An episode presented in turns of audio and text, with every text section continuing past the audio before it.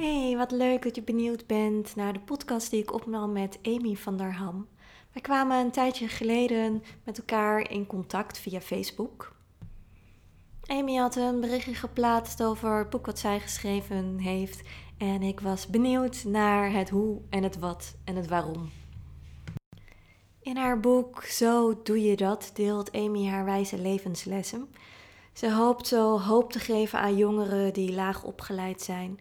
Nederland hangt daar toch vaak nog een klein beetje een, een, stempel aan vast dat dat niet goed genoeg is of toch een beetje minder waardig. En Amy laat zelf zien dat je ook met een uh, MBO-opleiding nog een heleboel van je leven kunt maken. Amy is een ontzettend ondernemende, enthousiaste, levendige dame. Ontzettend leuk gesprek met haar gehad. Ook heel veel met haar gelachen en om haar gelachen. Ik heb haar boek later ook nog gelezen. En dat is heel fijn om te lezen. Het is super laagdrempelig. Je gaat er makkelijk doorheen. De lessen zijn hier en daar herkenbaar. Uh, ze heeft de nodige zelfspot. En ze is gewoon heel eerlijk over het pad dat ze heeft bewandeld. Amy is op dit moment een hele succesvolle zakenvrouw. Ze heeft drie goedlopende bedrijven. Uh, maar ze vertelt ook dat de weg daar naartoe niet makkelijk is geweest. En dat het hebben van drie succesvolle bedrijven wel ten koste gaat van andere dingen. Je kunt nou eenmaal niet alles hebben, kom ik steeds weer uh, tot de conclusie nu ik verschillende mensen voor mijn podcast heb gesproken. Uh, het, is, het is vrij lastig om en een heel succesvol bedrijf te hebben, en een fantastische vriendengroep, een gelukkige relatie, een gezond leven, nou ja, noem maar op. De, vaak moet je, als je op, op het moment je focust op het ene ding, ergens op een ander ding, een klein beetje inleveren. En daar is Amy ook heel eerlijk over. Ik ben benieuwd wat je van haar verhaal vindt. Laat het me vooral even weten op social media of stuur me een mailtje. Ik wens je voor nu veel luisterplezier toe. Welkom, leuk dat je luistert naar het podcastkanaal van Everything is Oom. Mijn naam is Sabrina Souban en in deze podcast ga ik in gesprek met inspirerende Nederlanders. Mensen die iets doen of die iets hebben meegemaakt waar wij met z'n allen nog een heleboel van kunnen leren. Mensen die de wereld een beetje mooier maken door wie ze zijn of door wat ze doen. Wanneer je de podcast zo meteen beluisterd hebt en je hebt dat gedaan in iTunes, dan zou je me ontzettend helpen om 5 sterren te geven, zodat nog wat meer mensen deze podcast kunnen beluisteren. Elke twee weken komt er een nieuwe aflevering online dus wil je geen enkele aflevering missen, abonneer je dan vooral op dit kanaal Everything is Oom. Voor nu wens ik je heel veel luisterplezier toe. Ik ga vandaag in gesprek met Amy van der Ham. Amy heeft laatst een boek uh, geschreven, Zo doe je dat. En je geeft aan dat het gaat erover dat je als laag opgeleide bent uh, opgeklommen tot zakenvrouw van drie ja. goedlopende bedrijven, dus drie succesvolle bedrijven. Ja.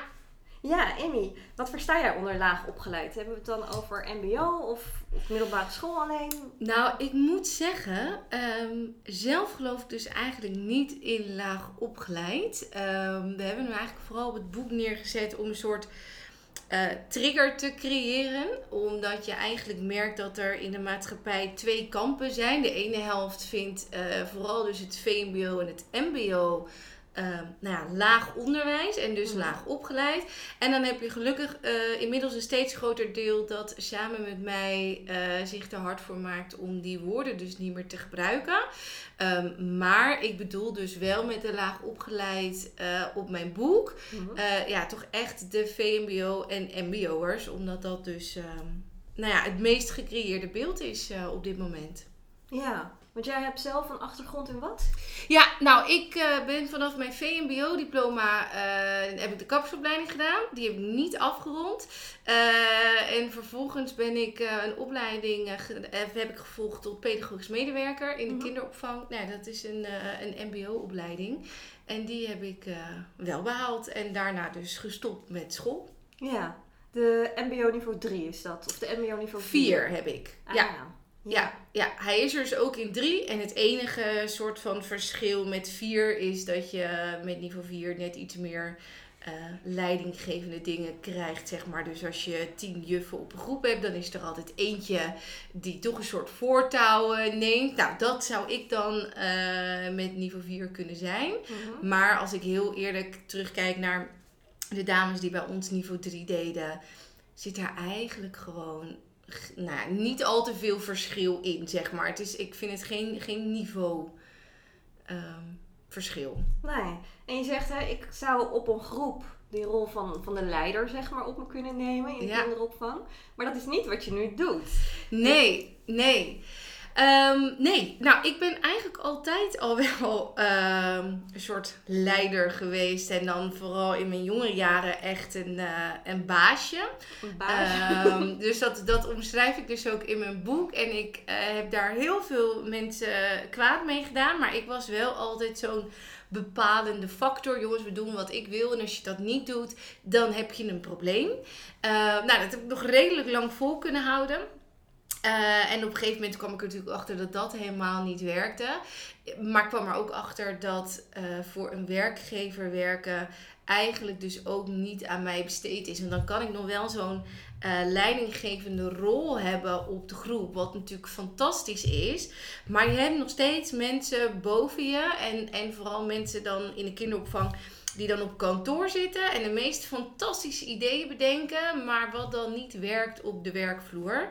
Eh, en toen dacht ik, ja, hoe kan ik dan eh soort van de baas spelen zonder dat iemand me op de vinger stikt? Nou, dat is dus door eh, te gaan ondernemen. Dus ja, ik was er eigenlijk een soort van vlak voor het behalen van mijn diploma al over uit dat ik dus niet in de kinderopvang ging werken, maar voor mezelf begon. En Hoe oud was je toen? 22. 22. Ja, ja, vorig jaar, of vorig jaar, vorige week, eh, woensdag was het exact zeven jaar geleden dat ik dacht, eh, en nu doe ik het. Ja. Dus dat, eh, die tijd is gevlogen, maar ik was dus echt nog wel jong als, als ondernemer zijnde. Ja, 22. En ik las ook dat je met 500 euro spaargeld Ja. begonnen bent. En wat ben je gaan doen met die 500 euro? Eh, nou, niet de juiste dingen kan ik je vertellen. Eh, ja, weet je, wat, wat doe je als je 22 bent en je start een bedrijf en je hebt maar 500 euro? Weet je, je hebt geen idee waar je aan begint. Eh, dus wat heb ik gedaan? Ik heb hele grote posters laten bedrukken van een formaat waar je ze nergens kwijt kan. Daar had ik helemaal niet over nagedacht. Ik dacht, het is goed zichtbaar. Ja. Ehm, en eigenlijk gewoon ja, wat, wat losse flyers, zeg maar. Omdat ik kom oorspronkelijk uit Noordwijk.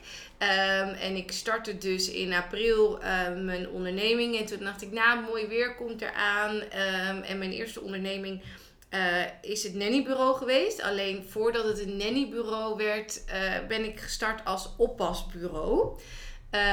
Dus ik dacht, ja, weet je, er komen mensen aan. De hotels zitten hier straks vol. Er zijn vast veel mensen die willen een oppas. Eh, dus ik had eigenlijk bedacht dat ik dat op die manier kon doen met die flyers. Maar ja, toen was mijn 500 euro op. Het had ik heel wat flyers uitgedeeld. En toen was er nog steeds niemand. Eh, maar dat heb ik dus met mijn eerste 500 euro eh, gedaan. ja. Een oppasbureau, dat zijn dan jonge scholieren, zeg maar, die gaan Ja. oppassen op Ja. de kinderen van mensen die even een avondje uit willen of zo. Nou ja, dat was het idee. Ehm, nou moet ik zelf zeggen dat ik zelf eigenlijk ook wel als vaste oppas werkte bij, eh, bij mensen, zeg maar, nou, die dan thuis werkten. Dus dan ging ik vanaf school naar hun om op de kinderen te passen. Ehm, dus dat deed ik wel structureel, dus dat zou dan ook nog een optie geweest zijn. Maar ik dacht, ja, dat is ideaal, want mensen gaan uit eten en die willen een oppas. En eh, het idee vind ik nog steeds fantastisch. Ja, Alleen, ehm, de, ja, weet je, de uitwerking was gewoon een stuk moeilijker. Want, weet je, ik wilde geld verdienen. Die meisjes wilden geld verdienen. Ouders willen het liefst zo goedkoop mogelijk Ja. zo'n oppas. Eh, weet je, toen ik net begon met oppas, kreeg ik echt 3 euro per uur of zo. Ja, daar kon ik de oppas niet voor wegzetten. En op een gegeven moment merkte ik gewoon dat ik zelf, als ik op zaterdagavond aan het uit eten was, dan werd gebeld met: onze oppas heeft net afgezegd. Kun jij dan nog iemand regelen? Dus dan moest ik echt nog. Ja, toen dacht ik: Dit is, he- dit is helemaal niet zoals ik het had bedacht. Nee. Ehm, Nou, hoeveel tijd gebeurde dat dat je dacht, dit is niet wat ik wil? Nou, dat had ik eigenlijk al heel snel. Dat is heel snel en dan over Nou, weken. Ja, nou ja, ik denk dat ik een maand verder was. Dat ik dacht, oké, dit is niet... eh, ik had wel bedacht dat ik nu heel veel geld al zou verdienen. En dat het allemaal van een leien dakje eh, zou afgaan. Maar dat is natuurlijk wel het idee wat je hebt als je jong bent. Ja. Dan denk je, ehm, ik word en heel rijk. Dat wilde ik ook eh, of, toen nog redelijk graag. Eh, ik heb altijd vrije tijd, want ik mag zelf kiezen hoe of wat. Nou, dat is dus ook een illusie. Eh, en je denkt gewoon van, joh, weet je, dat je start iets en je maakt dat bekend en het gaat heel gauw Goed lopen. lopen. Ja, Ja. dat e- echt gewoon niet. En nou ja, toen dacht ik wel, oké, en nu? Ehm, maar aan de andere kant ben ik ook wel blij om er een soort van op die manier eh, achter te komen. Want het is echt een beetje pionieren. Weet je, daar doe je iets en daar doe je dit. En dan kun je gewoon nog kijken met hoe gaat dat? Maar ik heb wel echt na een maand gezeten op de bank met... ja, misschien moet ik er gewoon maar mee stoppen. want- dit werkt niet. Ehm, dus ja, dat was wel heel gauw. Ja. En nu zeven jaar verder Ja. met drie bedrijven. Wat is er gebeurd in die, eh, in die tussentijd? Ja, heel veel. Ehm, nou, dat oppasbureau is uiteindelijk ietsjes beter eh, gaan lopen. Ehm, en wat ik heb gedaan, hè, ik, ik heb mijn eerste eh, bedrijfsidee heb ik gepikt. Dus dat vertel ik ook uitgebreid in mijn boek. Eh, degene van wie ik het heb gepikt weet er ook vanaf. Dus eh, uiteindelijk is dat allemaal goed gekomen. Maar wat ik even vergeten te checken was, was of alles juridisch wel akkoord was. Dus ik heb gewoon van iedereen iets gepakt en dat tot mijn idee gemaakt. Nou, dat Ja. mocht dus niet allemaal bij elkaar. Ehm, dus uiteindelijk ehm, nou, kreeg ik met de Belastingdienst te maken eh, met hey, jij werkt met verkapte loondiensten en ho ho ho. Oeh, ja. Dat is wel even een dingetje. En toen dacht ik, ja, en nu? Wat ga ik dan nu doen? En toen heb ik er een officiële kinderopvangorganisatie eh, van gemaakt. Eigenlijk dacht ik, ja, wie zit er nou op mij te wachten? Ik ben nog zo jong. En, eh, maar ik dacht, ik doe het gewoon. Ik zie het wel. Ja. Nou, dat is echt binnen drie weken na de start van dat dacht ik, wat overkomt me nu? Eh, want de klanten vlogen me om de oren en het was echt bizar. Ehm, en dat was ook het moment waarvan ik op een gegeven moment dacht, oh ja, ik moet nu wel echt serieus met een boekhouder eh, aan de slag. Eh, dus dat heb ik gedaan. Dat heb ik uiteindelijk eh, heel erg losgelaten. Eh, omdat ik dacht, ik vertrouw dat allemaal wel. Ik ben gewoon een mens van heel goed vertrouwen. ja. Nou, dat had ik beter niet kunnen doen. Want ik kwam er op een gegeven moment op een dag achter dat er ehm, nou, voor 500.000 euro aan rode cijfertjes waren toen we de administratie openden.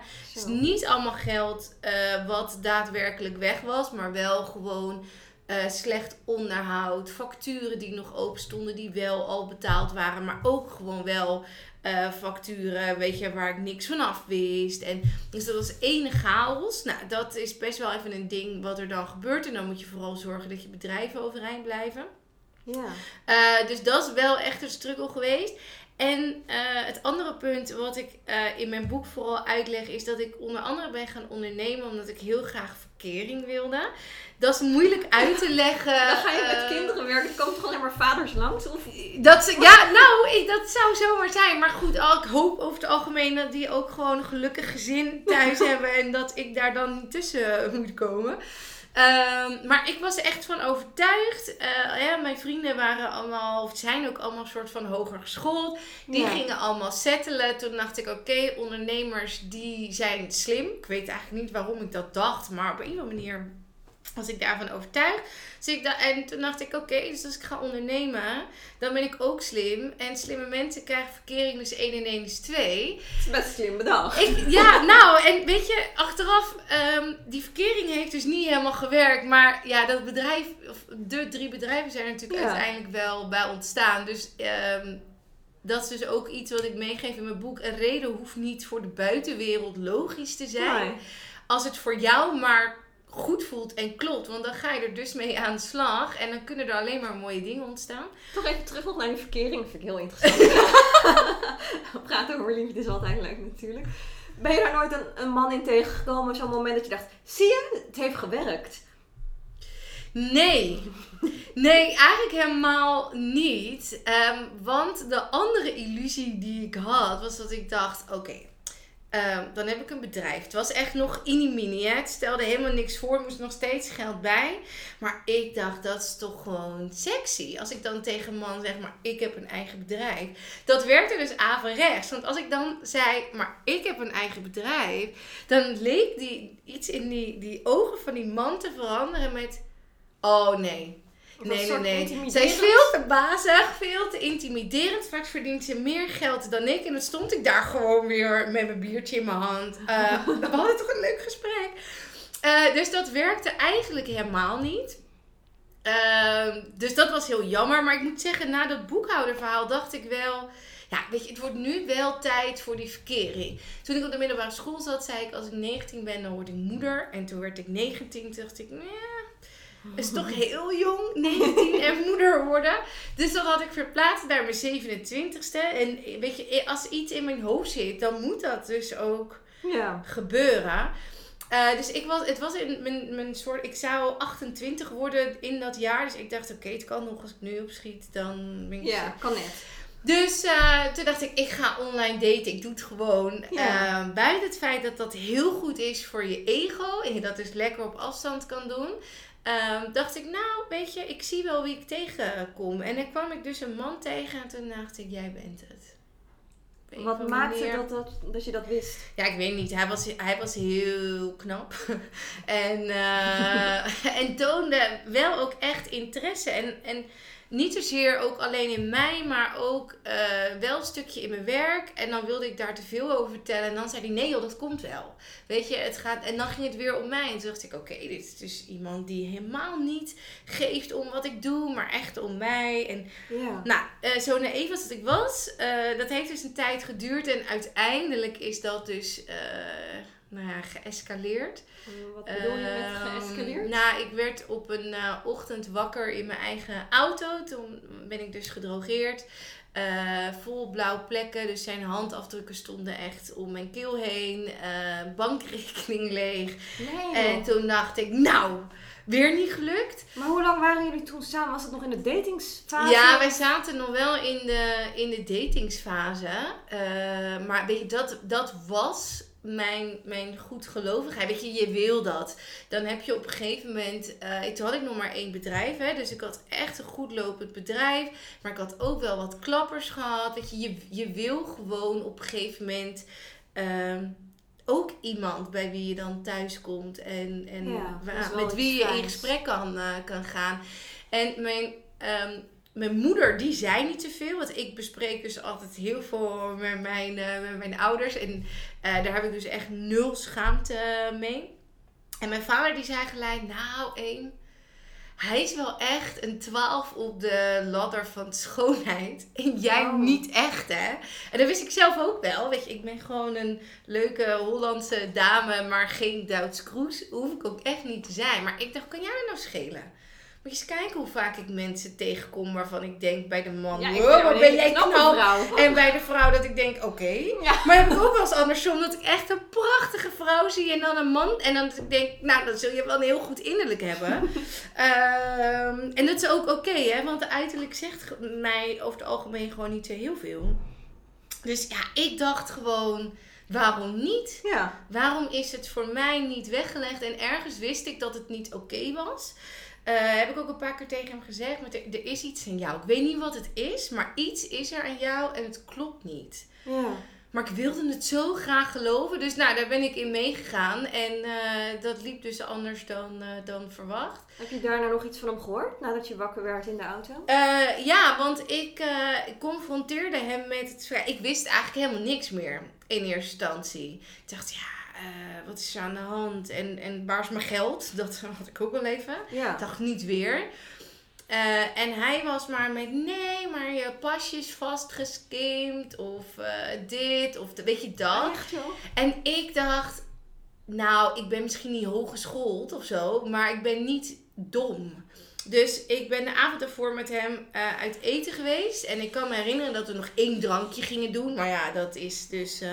Dus ik heb gewoon die tentjes gebeld. En gewoon naar camerabeelden gevraagd. En toen wist ik natuurlijk heel goed en heel snel wie het was. Mm, die krijg je ook gewoon. Die, nou Nou, ja, ik, gewoon. blijkbaar, blijkbaar was mijn verhaal zo eh, aandoenlijk. Wat eigenlijk natuurlijk gewoon te triest voor woorden is. Maar die, Ja. ik kreeg ze.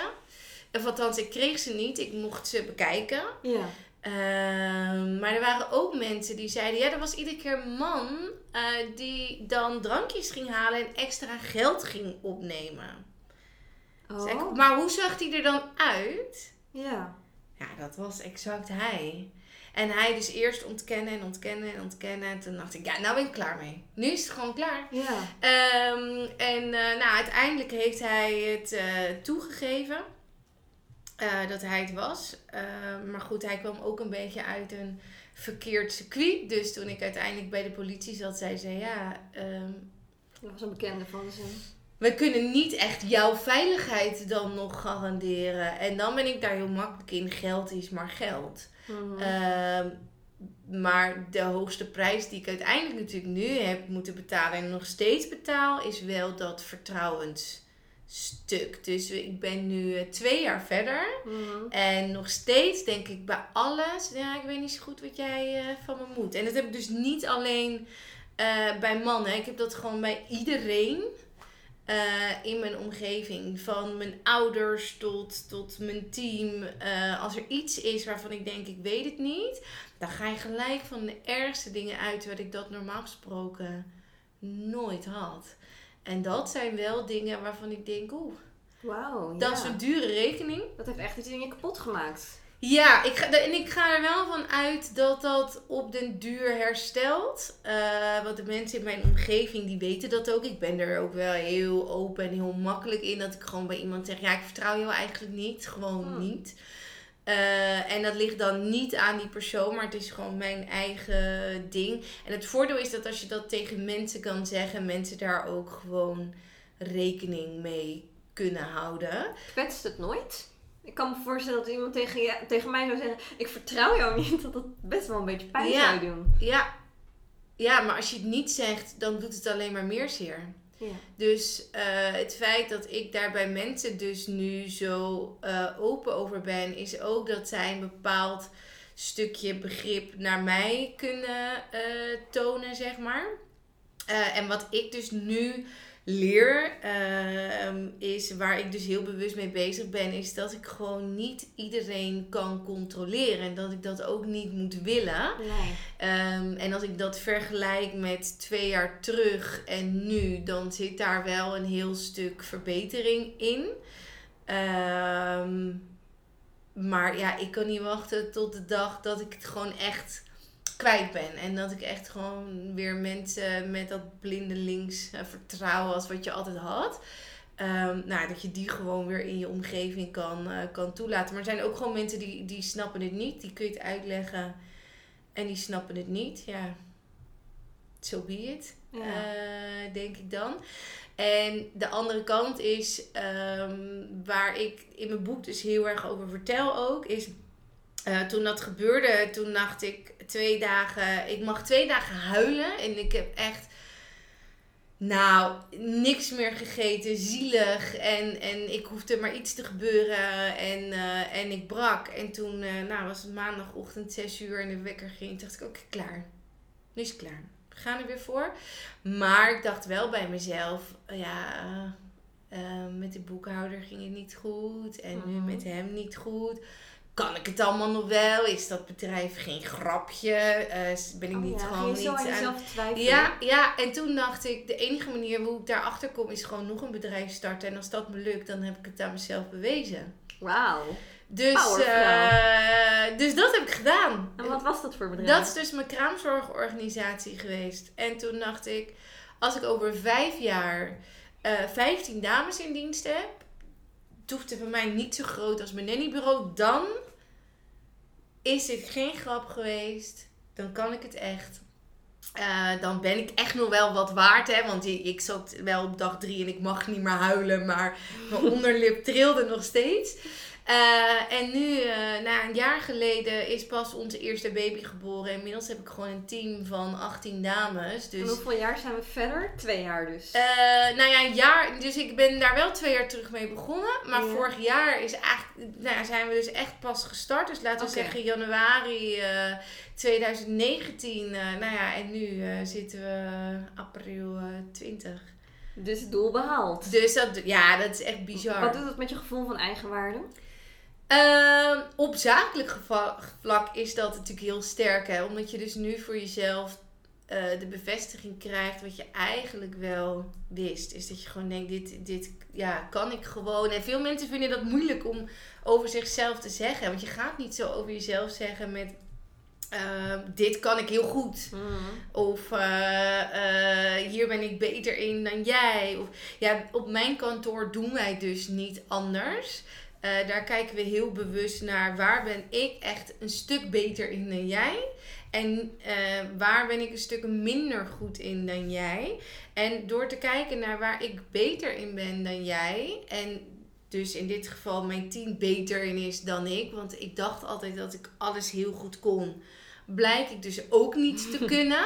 Uh, maar door dat dus toe te geven en dus echt gewoon best wel een beetje op te scheppen over de dingen die jij heel goed kan, kun je dus wel de krachten bundelen. Dus als je dan iedereen sterke kant pakt, en dat, dat kunnen er vijf zijn, het kunnen er tien zijn, maar misschien maar twee dingen, dan kom je dus heel ver. Uh, dus ik heb een vaste assistent. Nou, die moet je echt niet laten ondernemen. Want ik denk dat die helemaal gek wordt. Maar die is echt zo goed in dingen waar ik dan weer niet zo goed in ben. En nu denk ik, oké, als ik dus de juiste mensen om me heen heb en ik weet inmiddels welke mensen dat moeten zijn, dan kan ik in iedere branche een bedrijf opstarten. Want kraamzorg, ik wist er, ik weet net aan hoe een baby eruit ziet. um, Dus daar wist ik helemaal niks vanaf. Ook dat wilde ik dan. Dat ik dacht, ja, dan wil ik het ook gelijk goed doen. Hè? Dus dan ga ik ook iets kiezen waar ik niks van af weet. Um, en ik hoop dus dat andere mensen daar ook nu aan kunnen zien met, ja, als ik dus aan bepaalde dingen sleutel uh, en dus maar een goede drive heb, ja. dan, uh, dan kom ik er ook wel. Um, dus dat is eigenlijk mijn tweede bedrijf uh, uh, toen geworden. Maar ja, dat ex-vriendje, dat sudderde natuurlijk nog een beetje na. Dus op een gegeven moment kon ik daar uh, wat makkelijker over praten. En toen kreeg ik eens een medelijden van iedereen. En mm. daar ga ik dus niet zo goed op. Um, want ik zeg daar altijd van... Op een of andere manier vind ik dat ik er bewust voor gekozen heb. Want ik wist dat het niet oké okay was. Je had al een onderbuikgevoel die je genegeerd hebt. En toch toch ging ik ermee door. Hè maar doen, hè maar doen. En ik loop al heel lang uh, bij een life coach. Gewoon omdat ik het fijn vind om met iemand te sparren. En ook bij haar zei ik, joh, ik, ik, ik weet het niet zo goed. Maar er is iets aan hem. Ja. En doe er dan wat mee. Ja, dacht ik, hallo. Dit is een soort, het voelde als mijn enige kans op, uh, op een soort van liefdesgeluk. Hè? Omdat, ja, dat, om die dat, droom te verwezenlijken die je Exact, weet je. Dat, dat drie kindjes op de achterbank van mijn auto. Dat er was zo'n sterk iets. Dus weet je, dat bleef eigenlijk alleen maar doorgaan. En toen, als mensen dan met medelijden kwamen, dan zei ik altijd, ja, maar ooit schrijf ik een boek. en dan moet ik wel iets te vertellen hebben. Ik kan niet alleen maar succesverhalen, want het leven is geen succesverhaal. Het leven is zo hard werken. Um, en tot ik uiteindelijk wat mensen tegenkwam die zeiden, nou ga dan het boek maar schrijven. Toen dacht ja. ik, ja, waarom eigenlijk niet? Geen idee wie het gaat lezen. Ik dacht, waarschijnlijk niemand.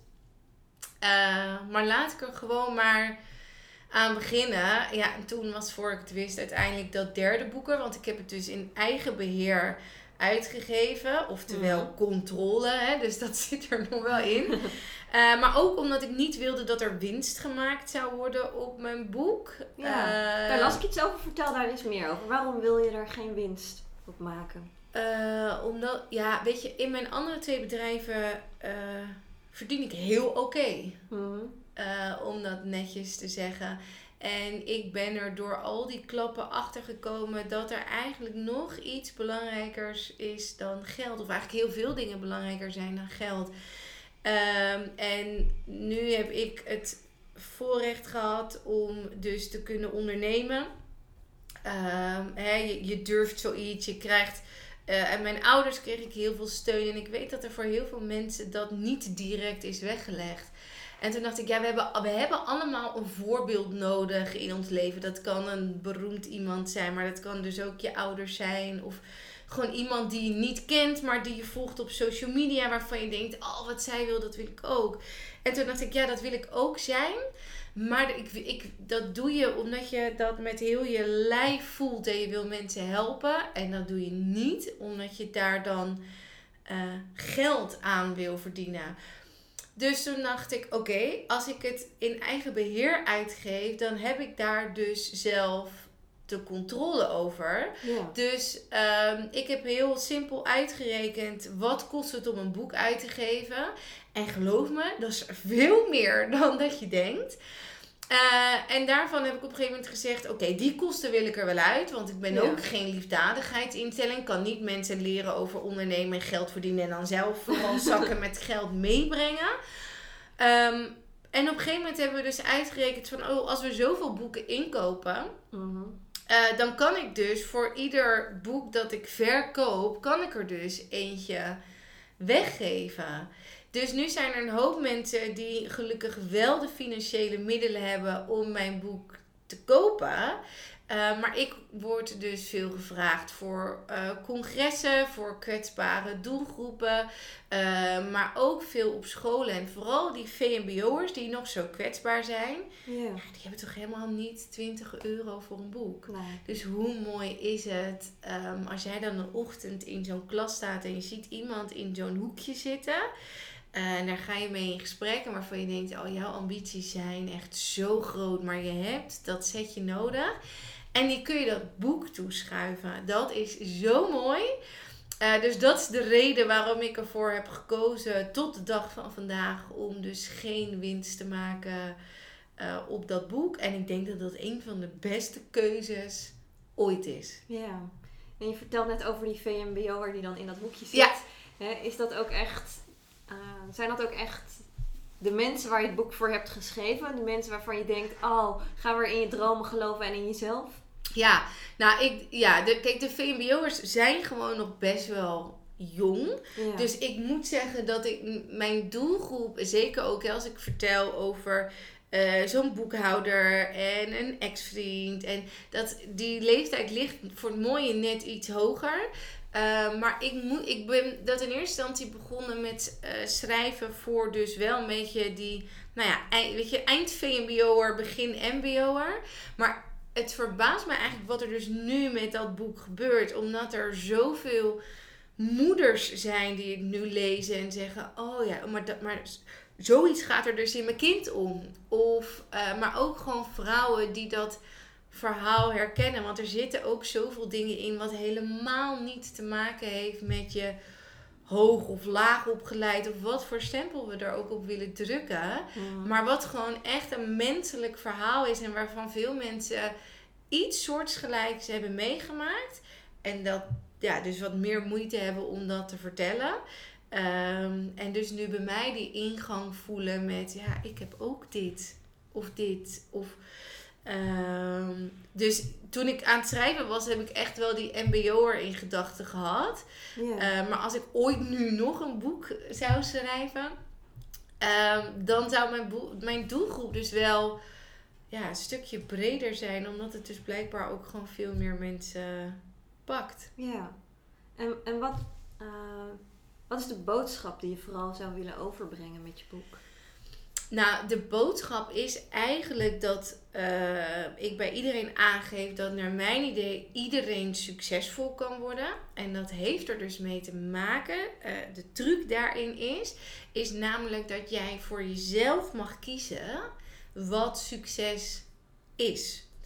Um, succes hoeft helemaal niet te zijn het hebben van drie bedrijven. Vorige week gaf ik een online les en toen zei iemand: Ja, hoe voelt het nou om succesvol te zijn met drie bedrijven? En toen zei ik: Nou, um, als je mij vraagt, uh, zet ik mezelf dus helemaal niet onder succesvol, want ik werk 70 uur per week als het niet meer is. En ik had het net met jou ervoor al even over mijn hele beperkte sociale leven.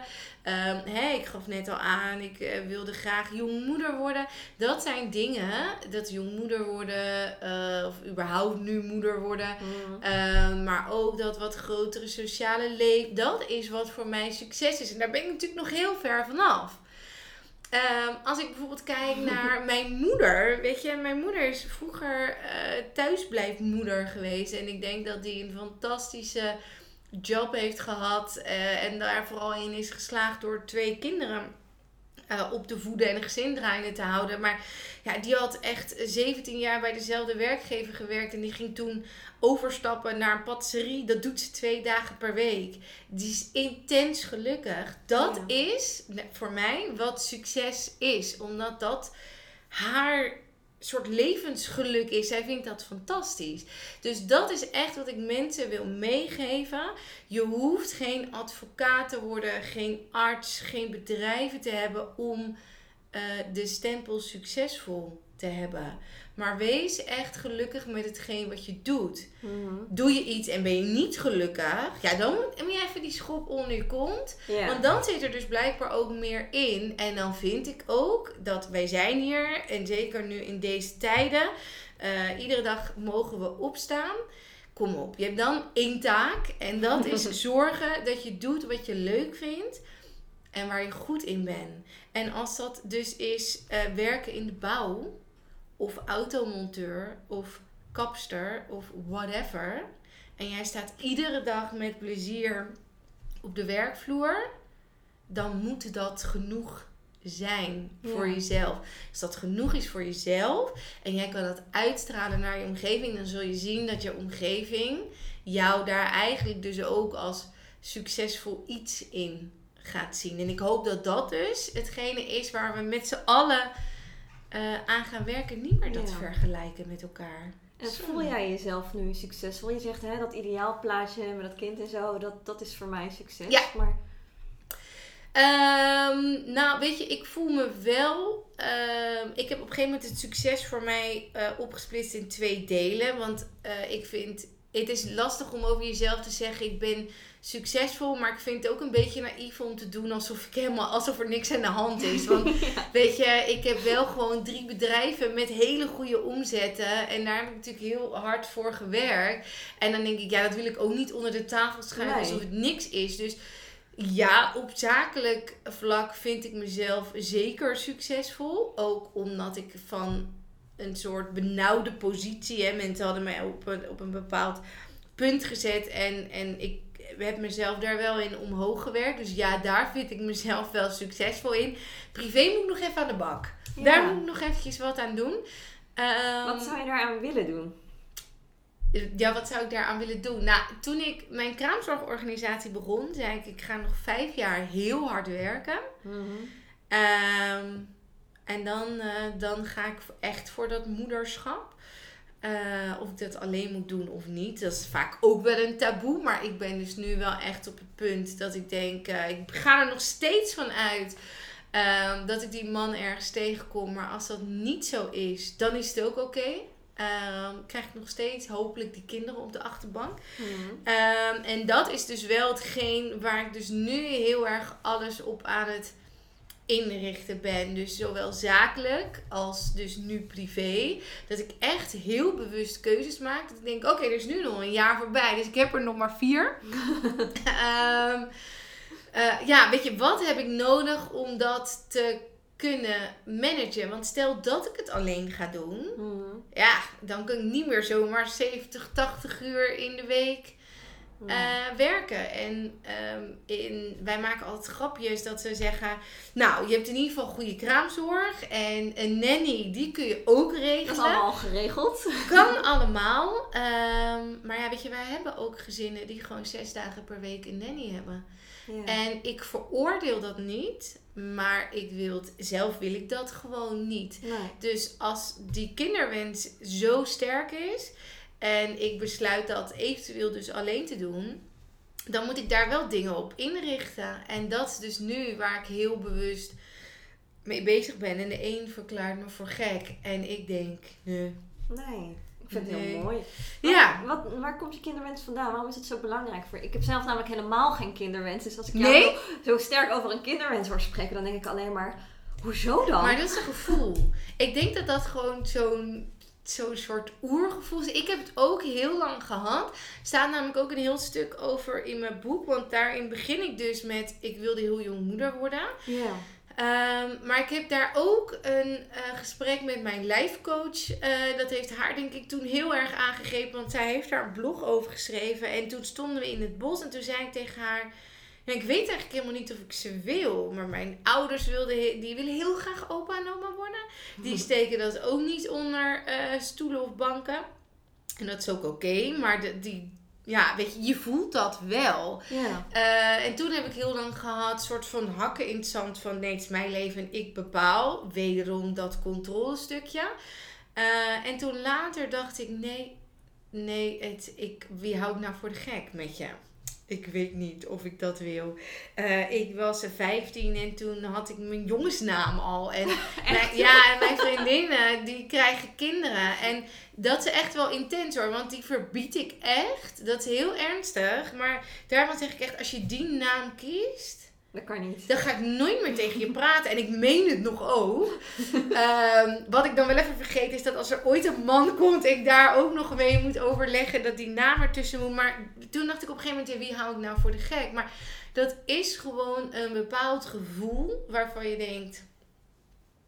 Ja, de, ik, dat moet gewoon, althans als het me gegund is, dan uh, ik ben echt wel, ik ben echt zo'n moeder. En je zegt als het me gegund is, want inderdaad, er is Ja, een kans dat het niet lukt, op wat voor Ja. manier dan ook. Hoe, hoe zou dat voor je zijn?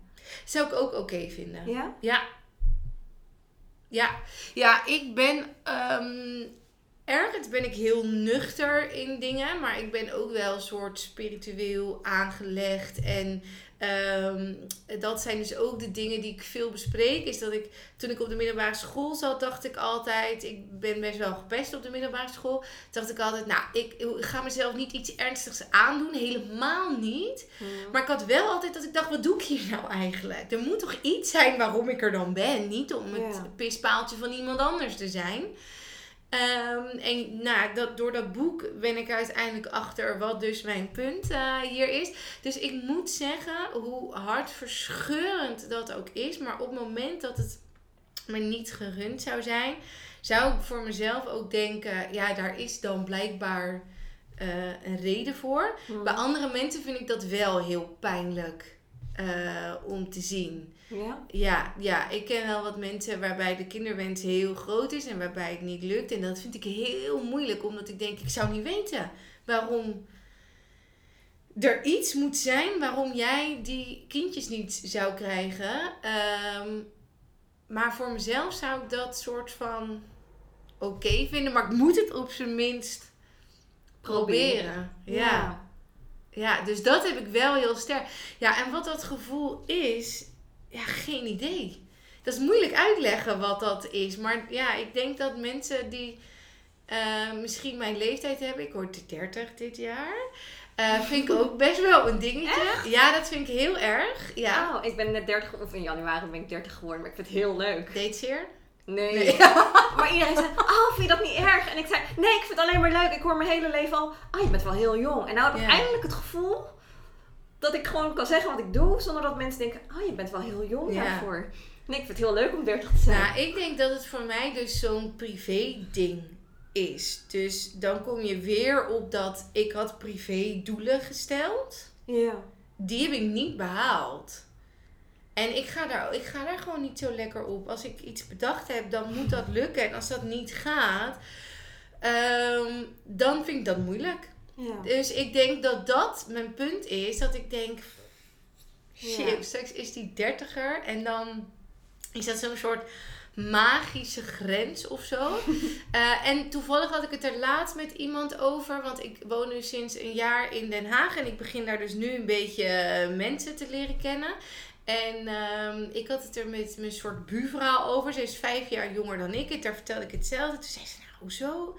Zeg maar, ik was 22 toen ik voor mezelf begon. En ehm, ik ben wel altijd extreem serieus geweest. Echt tot vervelend aan toe. Moest ik om 12 uur thuis zijn, was ik gewoon kwart voor 12 al thuis. Want stel je voor, uh, moesten wij naar bed, ging ik echt niet stiekem tv kijken. Deed mijn broer dat wel, dacht ik, oh, als mama dat ziet, krijg je echt op je kop.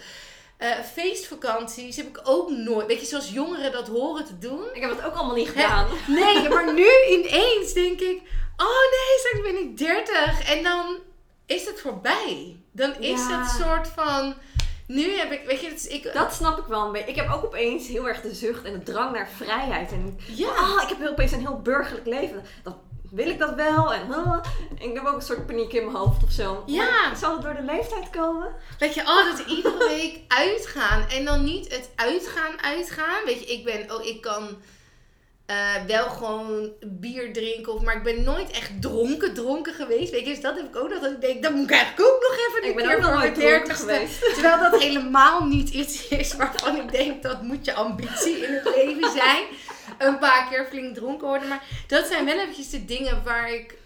Um, ja, ze zeggen wel, naarmate je ouder wordt, dat werkt ook niet als die dertiger aankomt. Maar dat zijn wel, ik ben wel heel bewust van de stappen die ik nu heb gemaakt. En ik heb er geen spijt van. Hmm. Maar wel even dat ik denk, oké, dat, dat komt dus niet meer terug. Waardoor ik misschien wel nog bewuster de stappen ga doen die ik nu maak, omdat ik denk, ja, dit komt dan ook gewoon niet meer terug. En ik wil niet dat als ik straks dus 40 word, denken, oh ja, ik heb in mijn twintiger jaren dit niet gedaan. Wat niet erg was, maar waarvan ik achteraf toch nog best wel de poging had willen wagen.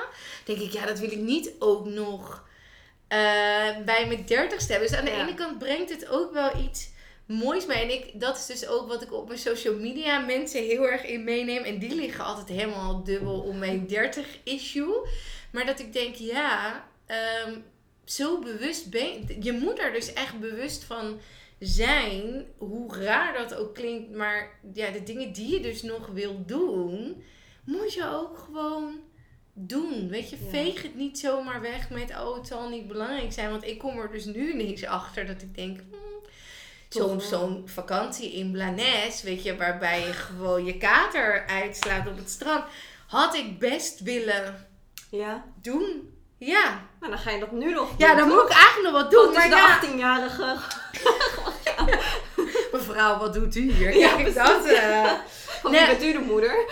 ja, precies. Nou, misschien kan ik dat dan gelijk een beetje koppelen met die moeder. Nou, dan kun je kijken of je dat echt heel leuk vindt.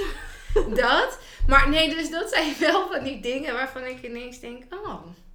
Ja. Oh, dat is straks. Het is niet heel erg of zo, maar ik ben me er wel ineens best wel bewust van. En mensen zeiden altijd tegen mij: Jij bent veel te serieus. En dan was ik, werd ik echt wel. Of ik voelde me dan heel erg aangevallen. Dacht ik: Hoezo nou? Ja. En nu denk ik: Oh ja. Wat bedoelde je? Dit is wat jullie bedoelden. Ben je gelukkig? Ja ja, ik ben wel heel blij met de, de dingen die ik doe.